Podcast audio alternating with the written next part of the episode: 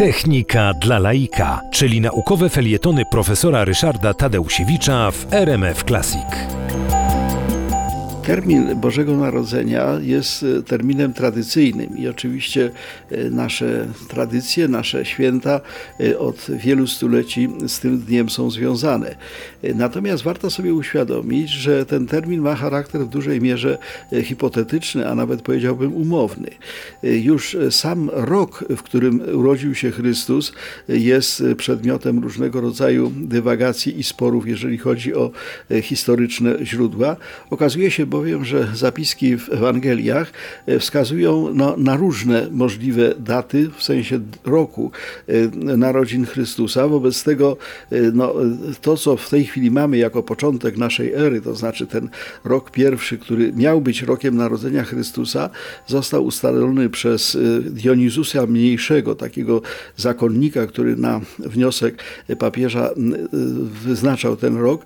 On w, w 525 roku, a więc bardzo dawno temu powiedział, że właśnie rok początku naszej ery, rok narodzin Chrystusa, to jest ten, który e, rzeczywiście początkuje naszą erę. E, nadchodzący 2020 rok to będzie właśnie 2020 lat od tej daty.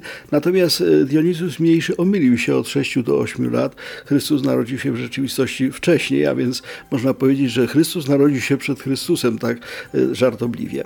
Natomiast co do dnia, jeżeli chodzi o 25 grudnia, to ten dzień był wyznaczany na różny sposób, ale e, wszystkie sposoby matematycznego czy dokładnego wyznaczenia tego dnia zdecydowanie na e, grudzień nie wskazują. Może kiedyś rozwinę ten temat, ale chciałbym tylko stwierdzić, że obliczenia dokładne pokazują, że Chrystus mógł narodzić się albo we wrześniu, w tak zwanym miesiącu Trishi, jeżeli chodzi o kalendarz żydowski, albo w miesiącu Nisan, czyli w miesiącu marcu, ale żaden, żadne z obliczeń nie wskazują na e, grudzień. Skąd wobec tego 25 grudnia jako data Bożego Narodzenia? Otóż w tym dniu y, zaczyna się y, moment, kiedy słońce zaczyna wstawać y, wcześniej, zachodzić później, dzień się wydłuża. Ta data 25 grudnia związana była w starożytnym, jeszcze pogańskim Rzymie ze świętem Sol Invictus, słońca niezwyciężonego. I chrześcijaństwo rozwijając się chętnie adaptowało pogańskie święta na swoje potrzeby. Wobec tego ten moment, kiedy właśnie niezwyciężone słońce przezwycięża mroki e, zimy i mroki nocy, e, wyznaczono jako Dzień Bożego Narodzenia.